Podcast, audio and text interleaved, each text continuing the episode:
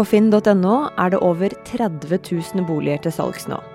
Du har hus, leiligheter, rekkehus med solrike balkonger, koselige kjøkken, store hager eller Instagram-vennlig sovealkove. Og mange av dem kommer nok til å bli solgt etter budrunder. 3 590 000 gjelder i 45 minutter. 3 640 000 gjelder i 30 minutter. 3 700 000 gjelder i 15 minutter. Siste bud 4 millioner. Å kjøpe seg et sted å bo er den aller største investeringa de fleste av oss gjør i livet. Men de fleste av oss har også lite trening i åssen vi gjør det kjøpet lurest mulig. Det er ikke sikkert meglerens råd er så veldig gode. Nå er det forska på budtaktikker, og det er noe helt annet enn skremmebud og hoppebud du bør gå for. Du hører på Forklart fra Aftenposten. Jeg heter Anne Lindholm, og i dag er det fredag 15. januar.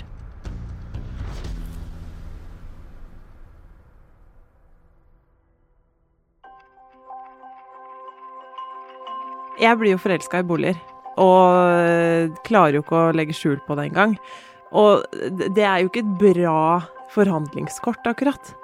Så hadde jeg vært litt kulere, så hadde vi kanskje ikke kjøpt første leilighet til omtrent prisantydning som eneste budgiver. Synne Hellum Marshøyser er journalist i Aftenposten, og hun har skrevet mange saker om bolig. Om å pusse opp bolig, om å selge bolig, og om å kjøpe bolig. Å kjøpe bolig, det er dyrt. En av de tingene som presser prisene oppover, er måten boliger selges på. De selges gjennom en auksjon eller budrunde. Og altså, auksjoner, det er et helt eget fag. Du har f.eks. amerikansk auksjon, hvor alle som er med, leverer et hemmelig bud. Man ser på dem samtidig, og den som leverer det høyeste budet, vinner, men trenger bare å betale summen på det nest høyeste budet. I hollandsk auksjon så begynner budrunden høyt, og selgeren, eller auksjonarius, foreslår lavere og lavere bud, helt til noen aksepterer. Så har du engelsk auksjon, der folk byr over hverandre, til en av dem til slutt byr så høyt at ingen andre vil by mer.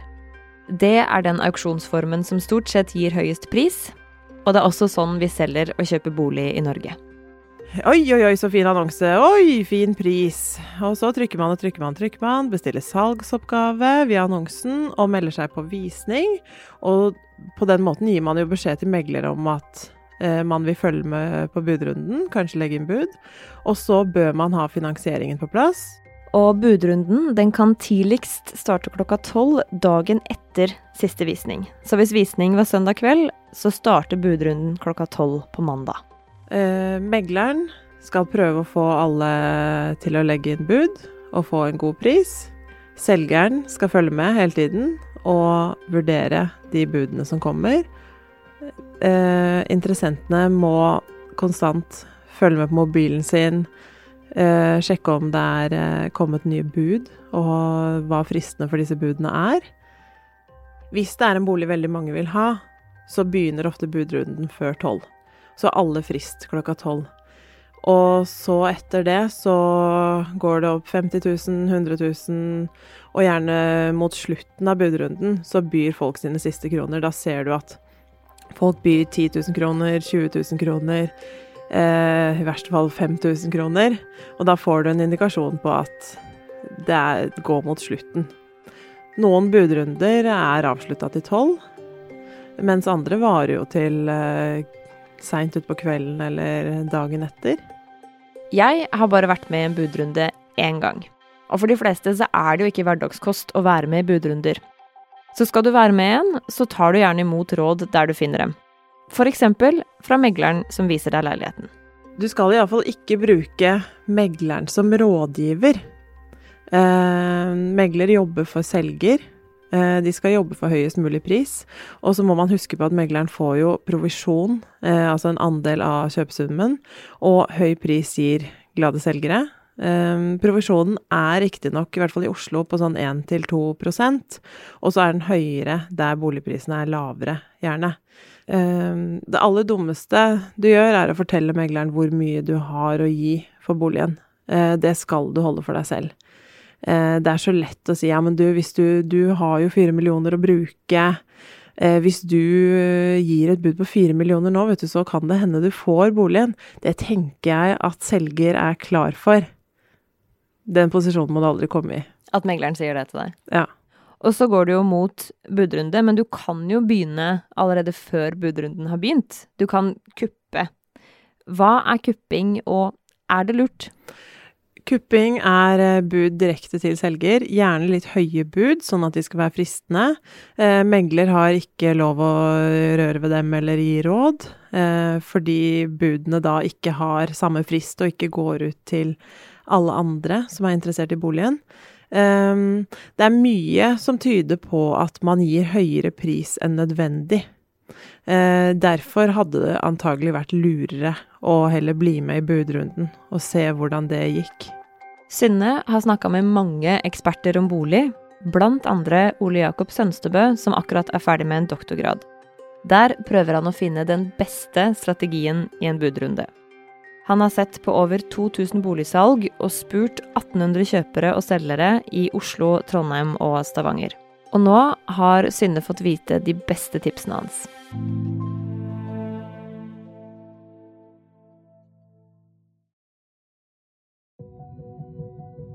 Ok, Synne. Hvis ingen har kuppa salget, så starter jo sjølve budrunden. Megleren har fått eh, telefonnummeret til alle som vil være med, folk sitter klare, og da må jo noen by først. Ja. Og skal man tro meglerne, så er det ikke noe problem å gi første bud. Ifølge meglerne blir budrunden raskere ferdig, og hvis man er heldig, har ikke alle fått på plass finansieringen før budrunden er over. Skal man tro forskeren, så bør man vente. Eh, forskningen viste at hvis det var flere budgivere, var det ofte ikke den første budgiveren som fikk boligen. Så det er ikke sikkert det er så lurt å være den som er første bud. Og hva er den beste strategien når sjølve budrunden er i gang, da? Beholde roen. Eh, hvis alle stresser, blir prisene høye. Og med stress så mener jeg korte budfrister og hektisk stemning. Bruk tid på å følge med på budrunden. Sett deg et tak på forhånd. Følg rytmen, altså se litt på hva de andre gir av bud, og og tenk litt som dem. Hvis du legger inn bud med god frist, kan du kjøle ned temperaturen i budrunden. Og hvorfor vil du det? Du vil unngå å få auksjonsfeber. Auksjonsfeber? Ja. Korte frister i hete budrunder. Folk mister hodet og rekker ikke å tenke og vurdere er, er det klokt å uh, gi 100 000 mer nå. Eh, se for deg at du sitter i en budrunde der det bare tikker inn bud konstant, og du har en tanke om at denne boligen vil du ha. Da er det jo fort gjort å gi et uh, høyt bud eller et bud du ikke har tenkt særlig godt gjennom. Og da sitter alle sammen der og gjør det samme. Boligen ender over prisantydning. Hvis alle har god tid på å tenke seg om, uh, så kommer det jo mer gjennomtenkte bud også, og kanskje eh, kanskje blir det lavere pris. Mm. Det er jo kanskje et typisk storbyfenomen at eh, budrundene går fort, og man snakker om 15 minutters frister og 30 minutters frister. Eh, I mange tilfeller er det jo snakk om én interessent, eh, spesielt hvis man er utenfor byen et sted. Og da vil jo en budrunde oppleves som mye mer en forhandling, der man kanskje komme med et bud litt under prisantydning, snakke litt sammen. Megleren sier kanskje hvis du, hvis du gir meg 100 000 mer, eh, kan det være selger takker ja. Eh, jeg har sett eh, tilfeller, og da, da, har det vært veldig liksom, dyre, utilgjengelige boliger, der fristen har vært et døgn omtrent. Um, så vi om, når vi snakker om auksjonsfeber, da, så gjelder det en budrunde hvor det er mange interessenter i et sted hvor det er veldig populært å bo, da? Ja. En annen ting som ofte skjer i budrunder om populære boliger, er at folk vil prøve seg på skremmebud. Altså by så høyt at de andre blir skremt vekk. Tanken er at de du byr mot, får inntrykk av at du har mye mer å gå på, og gir opp å være med i kampen videre. Men ifølge forskninga til Sønstebø, så er det ikke noe som tyder på at det virker. Nei, hoppbud eller skremmebud skremmer ingen. Um, de gir høye priser. Så enkelt er det. I noen tilfeller vil man kanskje tenke ja ja, eh, der eh, var ikke jeg interessert i å være med mer, for nå blir den boligen her litt dyr. Men eh, prisen for boligen vil bare bli unødvendig dyr. Hvis man heller hadde gitt lavere bud med en OK frist, eh, ville man også kunne få boligen. Eh, men budrunden ville ikke blitt så oppheta, og prisen ville ikke blitt så høy, sannsynligvis. Ja, fordi folk byr til grensa si uansett?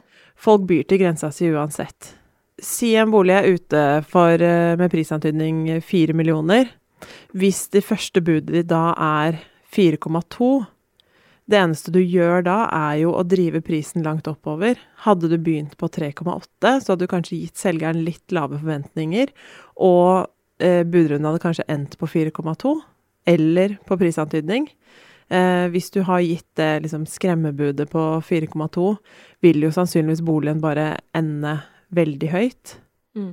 Men si hvis eh, budrunden er der, som du snakka om i stad, at folk byr 10 000 over, 20 000 over, 5000 over, da ser du at de andre snart er nær grensa si. Hjelper det da å hoppe 50 000 opp for å skremme dem vekk? Eh, det kan jo hende de er tomme for penger, at du da får boligen, men jeg ville nok heller eh, gitt 10 000 eller 20 000 selv også, og så er kanskje de pengene spart.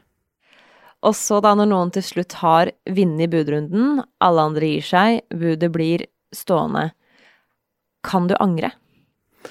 Du har jo kjøpt bolig. Ehm, det fins en del eksempler på at folk ikke har hatt råd allikevel, eller ikke har forstått hva de har drevet med når de har vært i budrunde.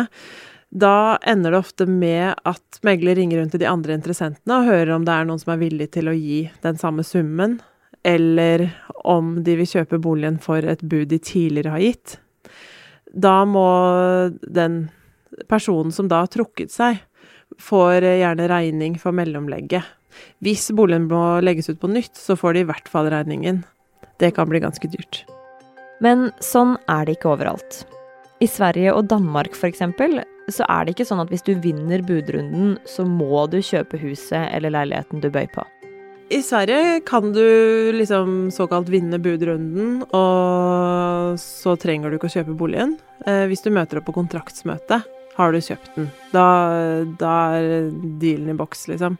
Um, det gir jo en helt annen ro til å tenke og vurdere boligen på nytt. Uh, I Danmark kan man også angre seg uh, og betale en prosentandel av kjøpesummen. Eller man kan kjøpe noe som kalles advokatforbehold. Da går en advokat over boligen og dokumentasjonen. Da må man angre seg litt fortere, uh, men man betaler heller ikke for å angre. Noe annet som er interessant med Danmark, er at de har en annen måte å ha budrunde på. Eh, de har noe som minner om hollandsk auksjon. Eh, selger bestemmer selv hva de vil ha for boligen. Eh, man skal være villig til å akseptere prisen man legger ut. hvis selger mener boligen er verdt f.eks. fem millioner, så legger de den litt høyere, og så jobber man seg nedover til man finner, finner en sum som man er fornøyd med. Som noen vil kjøpe for. Ja. Og hvis flere vil ha boligen til den prisantydningen, så har man en lukka budrunde. Eh, budgiverne legger inn hvert sitt hemmelige bud, og selger kan da velge det høyeste. Men du, til slutt, da, hvis alle som skal kjøpe bolig, lærer seg de beste triksa, da, funker triksene lenger da? Ja, det vil jeg si, for da får man de drømmebudrundene som går liksom sakte, men sikkert oppover, alle har god tid, kan tenke seg om å gi et fornuftig bud.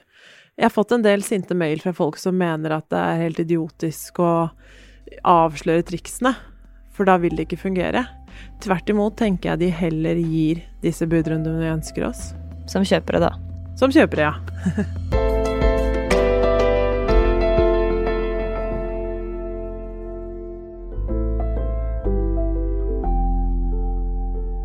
Denne episoden er lagd av produsent David Vekoni og meg, Anne Lindholm. Resten av Forklart er Caroline Fossland, Ina Swann og Marit Eriksdatter Gjelland.